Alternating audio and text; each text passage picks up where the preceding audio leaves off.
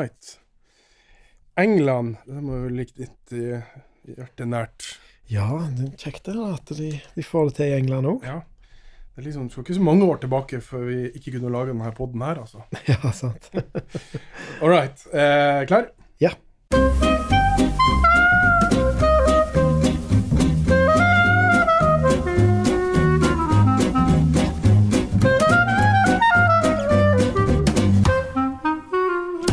Da kan vi ønske velkommen til nok en episode av Kultors podkast Vinpodden. Mitt navn er Finn Erik Rognan. Jeg heter Jon Kåre Håvards Holm, og i dag skal vi til et land her i Europa som kanskje ikke er så kjent for eh, sin vin, egentlig, men han bør være mer kjent. Dette er jo landet av pint og sider. Ja, absolutt. Og gin, kanskje. Veldig. Ja, Så det er jo ikke akkurat det, det vi tenker. Vi tenker ikke vin når vi tenker England. Nei, altså Da første gangen jeg ble oppmerksom på at det foregikk vinproduksjon i England, så tenkte jeg eh, nei, det gjør det ikke. Nei. Og, og eh, husker du når du måtte vi først begynte å eh, ble oppmerksom på det? Jeg husker første gang jeg og deg prøvde å finne en, eh, en vingård i, i England. Ja, det gikk ikke så bra. Nei, jeg prøvde å tenke på det samme. Hvor langt tilbake er vi, da? Da er vi 2006. Ja, jeg tenkte... For det var eh, VM i Tyskland det året. Ja, for pokker. Ja, og vi skulle over til England for å lage en promosak på Englands eh, VM-muligheter eh, der da. Så vi reiste over, filma mye. Du ble fryktelig uh, matforgifta, Ja. Ja. I en sånn her han eh, eh, Strafford upon Avon-type by Ja, bitte liten jeg tror sånn Burton on the Water. Burton eller on the Water var det, ja. Yes. Midt i. Cotswolds, Mm. som er Ja, så Jeg har jo en sånn stor forkjærlighet for den engelske landsbygda. Ja, Jeg syns, jeg syns London, helt greit, men kom dere ut på den engelske landsbygda. jeg er helt enig. Og, og eh, eh, bare for å Vi skulle få tak i eh, engelsk musserende vin. Mm. Du skulle til Night Timber. Ja, vi skulle til Night Timber, eh, som er en vingård. Mm. Eh, og eh, i 2006 så hadde vi eh, Jeg lurer på om hadde vi lest dette her i Vinforum Jeg eller tror det. Mm. Eh, og ikke ut på den engelske landsbygda, det er liksom Rolling Hills, Mm. og vi kjørte Kom til en liten landsby. Eh, Vi hadde bare et kart, vi hadde ikke GPS. nei, men du var kart mapmaster. Jeg var kartleser, du Ja. var sjåfør. Ja. Og så husker jeg at på det kartet så hadde de hengt, eh, hengt ja. De hadde tegnet en, en sånn drueklase. Det skulle være en eh, eh, vingård, Mm. Night Timber. Eh, og vi kjørte, og vi sto akkurat der eh, vinklassen, og vinklassen var, og det var ingenting. Men det var en bygning der, og vi bankte på, men de hadde ikke hørt noe. Nei. Vin her? Ja. Nei, nei, nei. Frankrike er over der. Ja, sant? Eh, men og så dro vi til en eh, Landsbyen, nærmest landsbyen. Ja, og der fant vi ei, ei vinsjappe. Ja, Men husker du og Dette her synes jeg er litt sånn betegnende for de som vil ha eh, vekk med polet. For først så gikk vi inn på en, en Oddbins, Mm. eh, og så husker jeg jeg spurte dere du sa Som er en vin- vinbutikk. Ja, vinbutikk. Det er en sånn Mm. stor kjede med, med vinbutikker i England. Og, og det, som er helt grei. Den, den jeg skal ikke klage på den, men kan klage akkurat der og da. For jeg kom inn og så spurte jeg etter Night Timber, Mm. og da ble han så flau, han som jobba der. For Mm. han sa ja, det, det er bare et par kilometer, men jeg får ikke lov til å selge det. Ja. For jeg må selge alt som de sier i London at de skal selge. Mm. Men så pekte han ned en liten vei. Der var det en kjeller, der var det en eh, gammeldags vinbutikk. Eh, som var bare en enkelt person da, som, som hadde sin egen butikk. Og der kunne vi kjøpe. altså Der gikk vi for å kjøpe da, Night Timber. Var det godt? Det var kjempegodt. Ja, veldig godt. Eh, det var helt fantastisk, faktisk. Og, ja. ja. Og, i 2006, da hadde du ikke engelskmuseene på polet, altså? Nei, du hadde ikke det. Og jeg husker at eh, jeg eh, Vi var jo i en vinklubb eh, da, og jeg hadde med meg den ene flaska. Så testa jeg den blindt på bl.a. Uh, vår venn eh, Ove, som vi har vært på mange reiser med. Rasmus, uh, en annen god Mm. venn av oss. Og flere gode venner. Det var nede på Altona, som en av de beste, har en av de beste vinkartene, ka- kartene, ikke bare i eh, Bergen, men i hele landet, faktisk. Mm. Uh, og der var det da en gjeng med ti stykk som fikk smake den, eh, den eh, Night Timber. Og alle var helt perpleks. Og til slutt husker jeg den ene sa at eh, hans konklusjon var at eh, For at de gikk alle på champagne først, og så sa jeg det, det er ikke champagne. Det var det første jeg sa. Oh, ja. Og da var det liksom Hva er det da? Så var det en som sa jeg har ingen aning, um, men jeg tror det er den beste cavaen jeg noensinne har smakt. OK, kult. Og så var det Ja, her, her er litt av kjernen av det vi skal snakke om i dag. Ja, ja. For at vi skal eh, Denne podden her kommer til å handle om, om vin i England, men vin i England er for oss først og fremst musserende. helt Eh, OK, eh, er det noe historikk å snakke om? Ja. eh? Der er litt. Grann. Jeg er ikke så mye, for det som vi skal snakke om, er relativt nytt, men der er litt.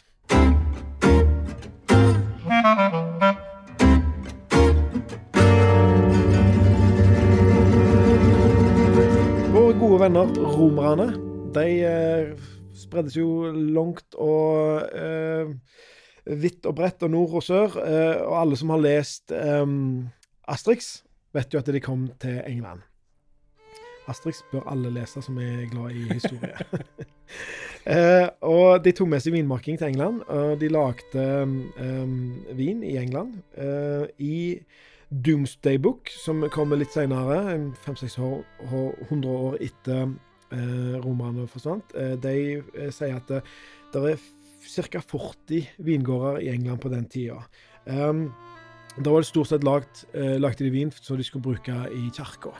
Um, og så i Så skjer det noe. Um, for det, det vi ser nå, i, og når vi skal snakke om historikken til engelsk vin nå videre, så er det òg litt grann historikken til hvordan kapitalismen påvirker eh, lokalt. Mm. Eh, når det egentlig er globalt. For England vokser jo fra da romertida og videre i vikingtida og, og så videre til å bli den største stormakten i eh, verden i flere, flere hundre år. Eh, og blant annet så har de eh, Bordeaux under seg som, som en del av eh, kongeriket. Og de får importert eh, vin fra Frankrike da, til London. Og den blir sendt videre. London etablerer seg som kanskje den viktigste vinbyen i hele verden. For salg, vel å merke. Um, og det går veldig utover vin, vinproduksjonen i England, selvfølgelig. For den er ikke av den samme eh, kvaliteten. Um, og så eh, kommer det noe som heter The Methuen Treaty i 1703, eh, som egentlig går på eh, Portugal og Frankrike hadde en eh, avtale seg imellom at de ikke skulle angripe hverandre, skulle være på side stille. England og Frankrike var i evig konflikt, så engelskmennene kom og viste vel at eh, Frankrike kommer ikke til å klare eh, å beskytte dere, dere bør heller gå i, i eh, være med oss. Så, så da kom det en, en, en treaty, hva skal vi kalle det på godt norsk? En slags avtale ja, mellom Portugal og England, som gjorde at det var en gjensidig sånn at de ikke skulle eh, gå til krig. Og en, en del av avtalen var at eh, Portugal skulle sende mye vin eh, til eh, England, som er sånn salg Sånn rett og slett en, en eh, økonomisk eh, del av avtalen, da, som gagna begge. Og da begynte portvin og, og Madeira, sånn fortifiserte viner, å bli veldig populære i, i England. Så, så der ser vi jo da utviklingen av, eh, av England som et, et et eh, vinsalgsland, for å si det sånn. da. Og igjen da så går det litt utover produksjonen, selv om at det der er da eh, Mens Henrik den 8. Er, er, ble k- krona, så var det 139 vingårder i England. Um, Elleve av de var kongelige, men det er da på 1510, sant. Mm. Eh, I eh, 1660 så er det en som heter eh, Lady Batten, eh, kona til sir William Batten. Eh, hun har en vingård i Walthamstow, og vinen der skal ha vært, um, eh, ganske god, visstnok. Um, så kommer vi til 1800-tallet, og da eh, har vi jo England samme problemene som fyloksera. Uh, Fyloksera kom jo faktisk først til England fra eh, California, og så videre ut til Europa. Men det som egentlig var enda verre enn fylokseraen, var at em, lord Palmerston, som var eh, i em, regjeringen på 1860-tallet, han eh, var eh, veldig sånn for free trade, altså Frihandel? frihandel, mm. og satt ned eh, skatten på vin som var importert, eh, 83% fra en shilling til two pence. Og det var egentlig kroken på døra for eh, vinsalget i eh, England, for da klarte de rett og slett ikke å selge. Eh, og så kom første verdenskrig, og da ble alle de som prøvde, de fikk bare De måtte da lage korn, for det var viktigere enn vin. Mm. Eh, så da røyk så På den tida da, så var det for første gang på over 2000 år at det ikke var lagd vin i England. Og så, da, i um, etter altså, 1936 så plantet George Ordish de første eh, moderne vinrankene i eh, Wessex i Sør-England. Eh, og så begynner det videre da, etter krigen med litt sånn homebrewing og litt sånn fram og tilbake. Eh, på 70-tallet og inn i 80-tallet så lager de en slags søtvin som blir ganske populære, men ikke er noe, ikke noe sånn å skrive hjem om. Eh, kaller for cream wine. En, slags hvite, eh, søte vin som sikkert mest for Ja. Det er ikke noe som vi skal snakke så mye om, men det som skjer da, det er at eh, eh, det blir lettere å, å dyrke vin, for at uh, vi tror jo at det er global oppvarming gjør at uh, klimaet forandrer seg såpass at, det- at uh, det går an å faktisk dyrke vin i England. da. Så på 80-tallet så starter de å prøve seg å lage um, musserende vin. Eh, og i um, i eh, Der som vi var, da, ikke langt ifra det, så er det et par som heter Moss. Stuart og Sandy Moss.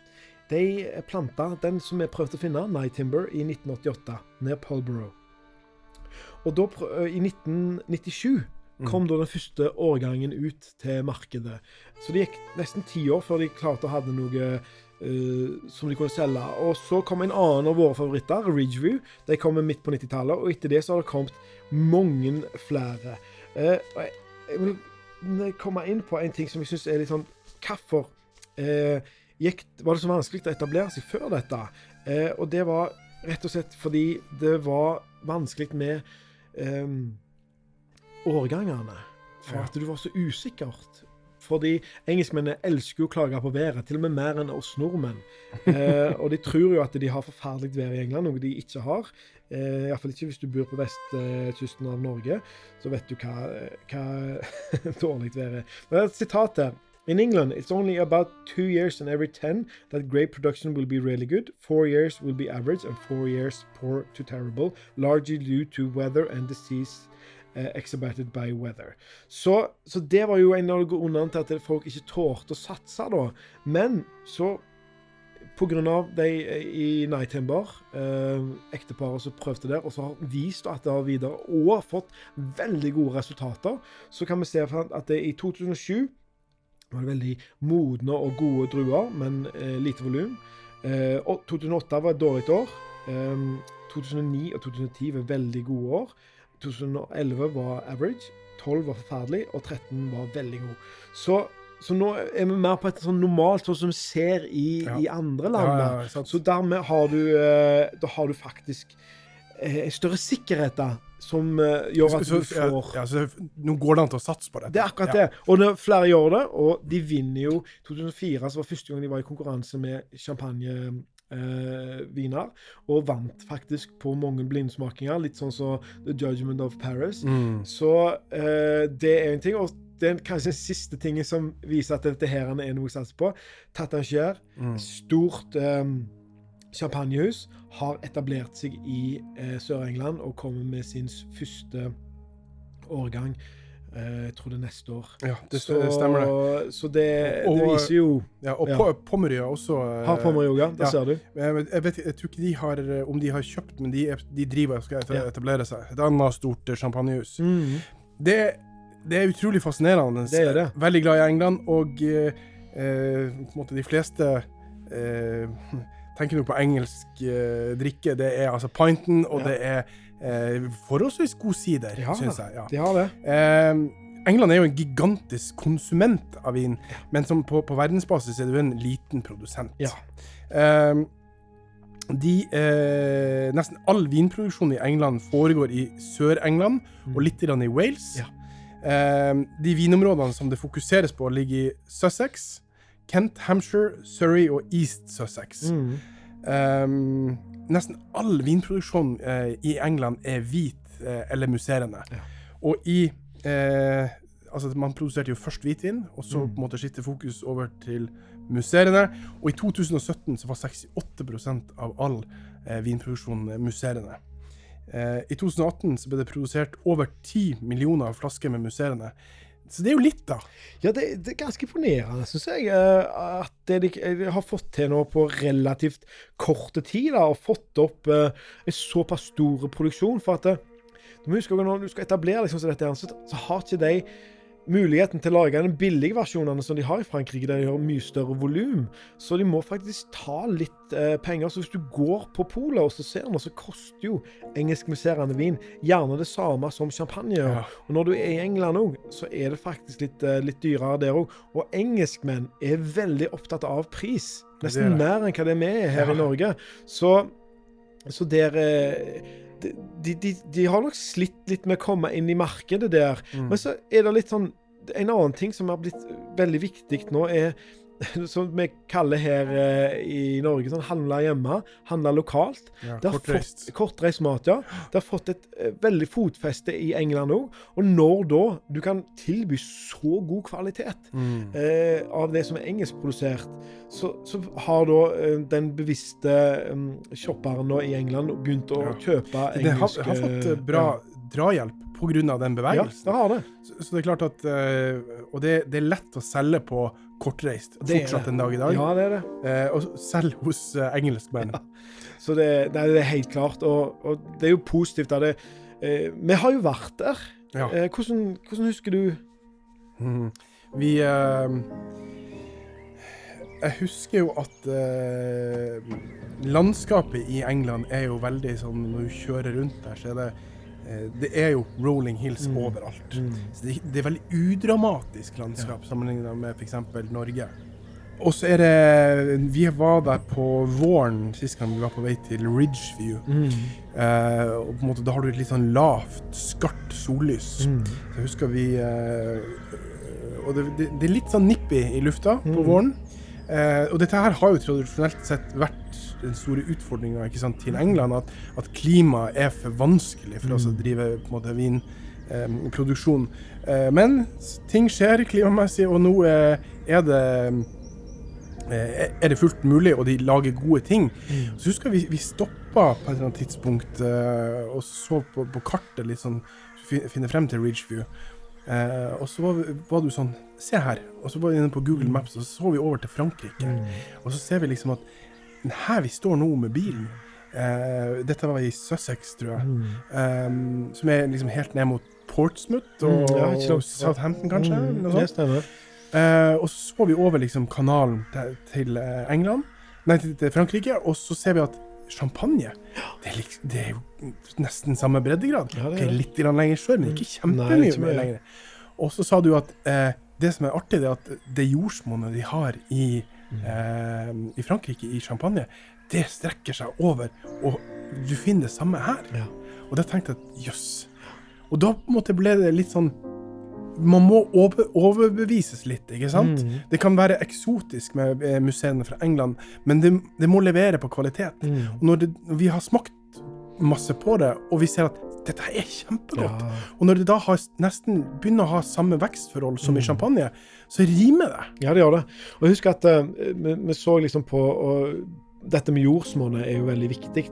Og rett sør for eh, eh, Champagne ligger jo Chablis. Og vi har jo lagt en egen podkast på Chablis, og der snakker vi jo om uh, jordsmonn der som heter Kimmeridge. Eh, og det er jo oppkalt etter en by i Sør-England. Mm. Eh, og det er en annen jordsmonn som heter, tror jeg heter Portland, og det er jo- en, en by i Sør-England. Og De fikk navnene sine på 1800-tallet etter disse byene, for det var der de fant det jordsmonnet. Og det engelske eh, vitenskapsakademiet var veldig stort og viktig da, så de fikk lov til å navngi sånne ting. Så Kimmeridge, eh, jordsmonnet som du finner i Champagne og i Chablis, Portland, som er det samme, det har disse her eh, disse eh, fossilene i seg. Mm. Det finner du òg i, i England. Og husk, vi var jo nede på kysten her. Jurassic Coast. Ja. Det er jo en av de områdene i verden der du finner flest fossiler fra juratida. Så, så jordsmonnet i Sør-England er helt som skapt for å lage da vin, og gjerne vin som de lager i nord i Burgund Mm. og mot champagne. Så, så de har alt eh, ligger til rette da, Mm. for at de skal lage virkelig god champagne i eh, musserende vin i England. Ja, og for, Nå kan folk uh, sitte og høre på dette her, og så kan de kanskje tenker at eh, OK, det finnes fossiler i, i dette jordsmonnet. Hva i himmelen har det å si for smaken på dette? Men det er nå engang sånn at disse røttene til vinranken de eh, har en tendens til å stikke kjempedypt. Ja. Altså de kan gå, gå 50 meter ned i bakken for den saks skyld. Og de henter selvfølgelig opp smak av jordsmonnet. Eh, så så det, det har eh, enormt mye å si, og det setter smak. Absolutt. I eh, England ved siste telling nå, så var det 450 vingårder. Det er mye, altså. Det er fantastisk. Og det største vineriet eh, heter Chapel Down. Ja. Ligger i Kent. Mm. Tre største produsentene av museene er da, som du har nevnt, Night Timber, Ridgeview og Chapel Down. Mm. Um, den nordligste vinmarka Hvor langt nord i England tror du det finnes uh... Altså, det er jo i Wales. Det har faktisk smakt um, walisisk musserende uh, vin. Den var veldig god, den òg, faktisk. Jeg lurer på om det er enda lenger nord enn det, altså. Vi skal til uh, helt opp til Leeds. Til Leeds, ja. Til Leeds. Jeg, måtte, jeg måtte gå inn og se på kartet, så tenkte jeg liksom Én times bilkjøring nordøst for eh, Manchester, så, så finner du eh, noen vinmarker, altså uh, utafor Leeds. Vi er langt nord, men, men vi er bare på, på breddegrad med Hamburg. Ja. Jeg tenker alltid at England er så langt nord. Ja. Men det er. Jeg tenker at det ligger jo rett eh, vest for Norge. Men vi, vi flyr jo nedover. Vi flyr nedover, det er sant. Så ehm, eh, men, eh, men der Det produseres ikke veldig mye der, men eh, det, den, det er det nordligste, i alle fall. Så skal se Gir det noen år til, så eh, mer og mer eh, lenger nord. Ja. Så jeg syns det er fascinerende, for at um, England har jo faktisk ikke hatt noen tradisjon for å lage musserende vin, egentlig. Uh, jeg skal komme litt inn på det, men em, så på, når de prøvde på nytt på 50-, 60-, 70-tallet, så var det jo hvitviner, og det var sånn tyske variasjoner de prøvde seg på. Eh, og det med vekslende hell. Mm. Eh, men så når de da prøvde seg igjen på, eh, på champagne, det hadde vært veldig fascinerende å finne ut hva de tenkte på, dette ekteparet, når de, når de sa nå skal vi lage musserende. Eh, men det England har, er jo faktisk en, en historie når det gjelder eh, musserende vin. For som det store økonomiske bindepunktet for eh, vin, da, så importerte jo de vin ifra spesielt eh, champagne.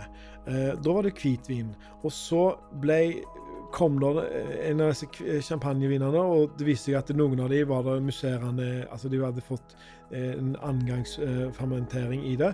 Og så var det faktisk en engelskmann ved navn Christopher Merritt som eh, så fant du da dette med andregangs fermentering i flasker, Ja. som er jo den, den champagnemetoden. Det var ikke Dom Perignon eller noen av dem, selv om de liker å tro det. Eh, men det som var problemet for franskmennene, var at de ikke klarte å lage glass som var sterk nok til å takle det, så vinflasken eksploderte. Men i England da, så hadde de jo kål, og eh, da kunne du fyre varmere, og da kunne du lage sterkere glass, sterkere flasker, og da kunne du faktisk lage eh, champagne. Så de første sånn champagnene ble faktisk De importerte tønner med vin fra champagne, tappa de på flasker i England, i London, andregangs eh, fermentering, og så lagde de champagnen i England. Så Dette kommer ikke eh, eh, ja, det Moët Chardon til å like. Nei, de, de, De liker at det, det er Dom Perignon som Så sier det til en eh, franskmann, så, så, så kjefter han på deg på fransk. Eh, men men det, eh, historien er nå noe sånt. da. Jeg har lyst til å si én ting til, for det er faktisk funnet nå ei, eh, ei engelsk eh, drue For at de trodde jo at alle engelske druesorter var, var tapt. Ja. Men så har de funnet en, eh, en engelske drue som i nærheten av Roth Rotham, en liten landsby i Kent. Mm. Så de har kalt det for Rotham Pinot. For um, Den minner mye om Pinot Meunier, men den er nok mer en, en slags klon av Pinot Noir. Mm. Så det finnes faktisk da um, en egen britisk druesort, altså. Så eh, jeg har ikke hørt om at de har lagd vin på den, men det kommer nok, det tror jeg. Ja. De kommer nok til å dyrke det videre. Altså, og jeg, jeg leste hva, jeg, jeg så eh, litt om det samme eh, om den samme drua. Og, og eh, eh, at de hadde da billig kull, og da kunne på en måte lage eh, og, og, og de hadde godt glass og billig arbeidskraft, så kunne adelen drev og dyrka druer i eh, drivhus ja, der oppe. Så de mistenker at det, er, er, at det har på en måte gjort at de har overlevd. Ja, det, det er nok Husk at de, de var sykkrike engelskmenn på mm. en veldig lang periode, og adelen der de, de skulle bruke pengene sine til noe. Så alle som har sett eh, Downton Abbey og alle disse greiene der, de vet jo at eh, ja, Ja. Det, det var både mye tjenere, det var mye ja, penger som gikk til det ene og det andre. Så ja. Du nevnte så vidt eh, For vi, England eh, eh, Vi må nesten innom Wales og Skottland en snart tur, tenkte jeg. Eh, I Wales så ble vinmakinga altså, etablert av romerne, men det ble replanta kommersielle, med kommersielle øyne på 70-tallet. De produserer rundt 100 000 flasker vin i året, og har rundt ikke rundt, men de har 22 fungerende vinåkre per siste telling, som var i 2015. Mhm. Eh, du har smakt eh, vin fra Wales. Mhm. En rosé uh, musserende, Ja. og den var veldig god. Ja. Um, sånn klassisk eh, rosésmaker med markjordbær, eh, bra syre, fine mos. Um, det var ikke den lengden som du ville forvente av en champagne, eller faktisk en eh, engelskmuseene fra litt lenger sør. Men sånn som jeg leste meg opp når jeg smakte den, så, så var den eh, Jeg husker ikke navnet på vingården dessverre.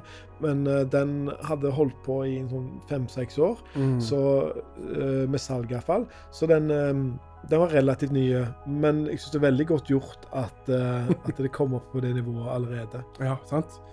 Du kan se liksom at når folk først går inn for noe, så kan det Mm. gå ganske fort.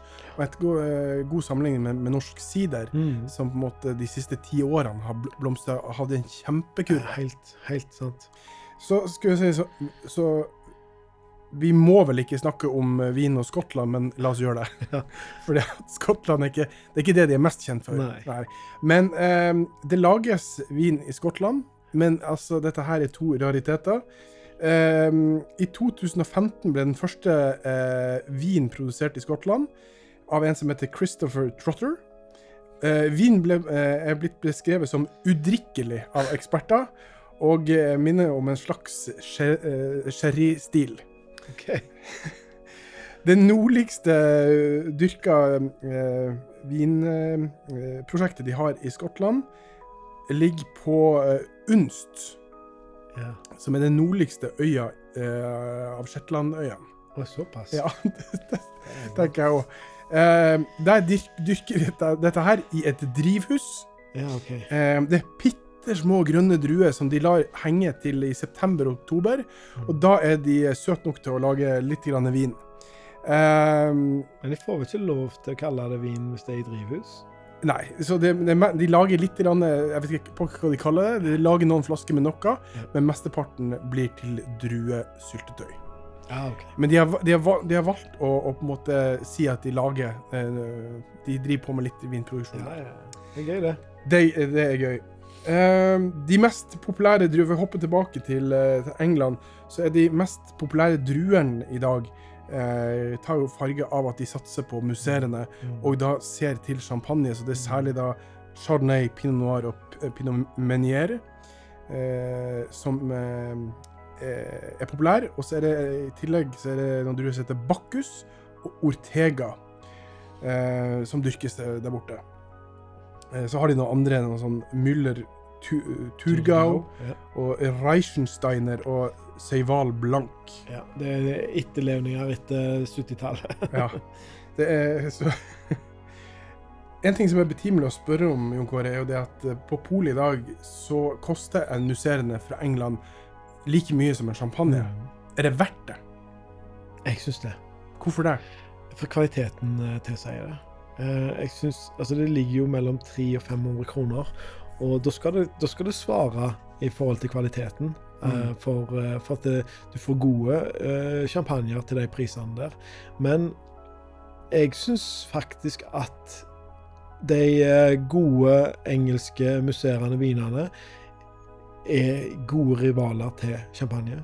Eh, de har mye av de samme delikatessene som en liker i champagne. Um, og så det har de klart på relativt kort tid å få opp en enormt god kvalitet, som jeg setter veldig stor pris på. Så hvis jeg står overfor og skal kjøpe en champagne eller en engelsk musserende, så like, så er jeg sånn der at nå vurderer jeg på lik linje en, en engelsk Mm. på, på den eh, der. Altså, jeg gjør det. Og, og en ting som på en måte taler veldig for det valget, syns jeg, det er jo det at um, fordi at de er i konkurranse med champagne, eh, så er kvaliteten blitt enormt høy av de som har fått det til.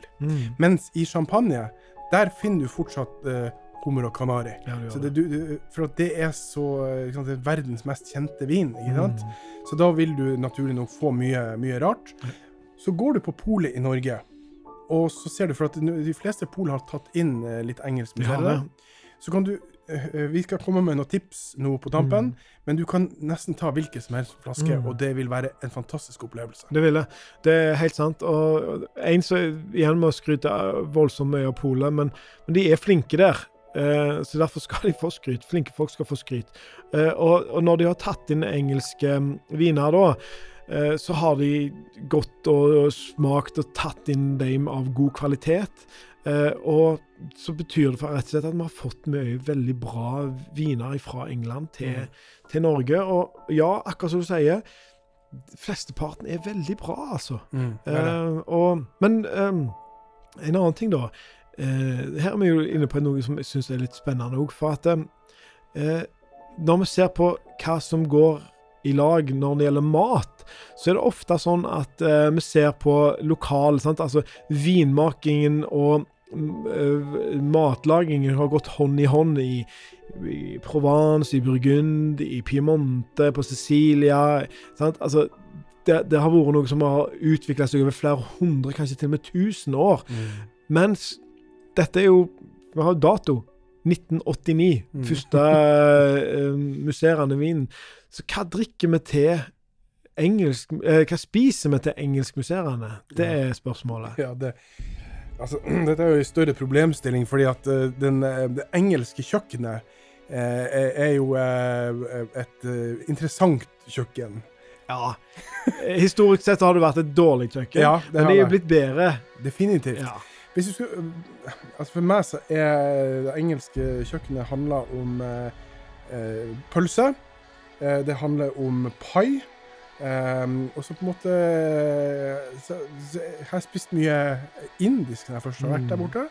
Uh, og så utover det så er det litt sånn Jeg er litt usikker på hva, hva identitet, identiteten til det engelske kjøkkenet er. Men for å snu på det, så er det sånn at eh, du, du, du får jo bra sjømat. Mm. Men for å snu på det, eh, du får jo mye bra sjømat i, i England. Det er jo ei øy. Eh, sånn at eh, du vil garantert kunne ha eh, gode, gode sjømatretter.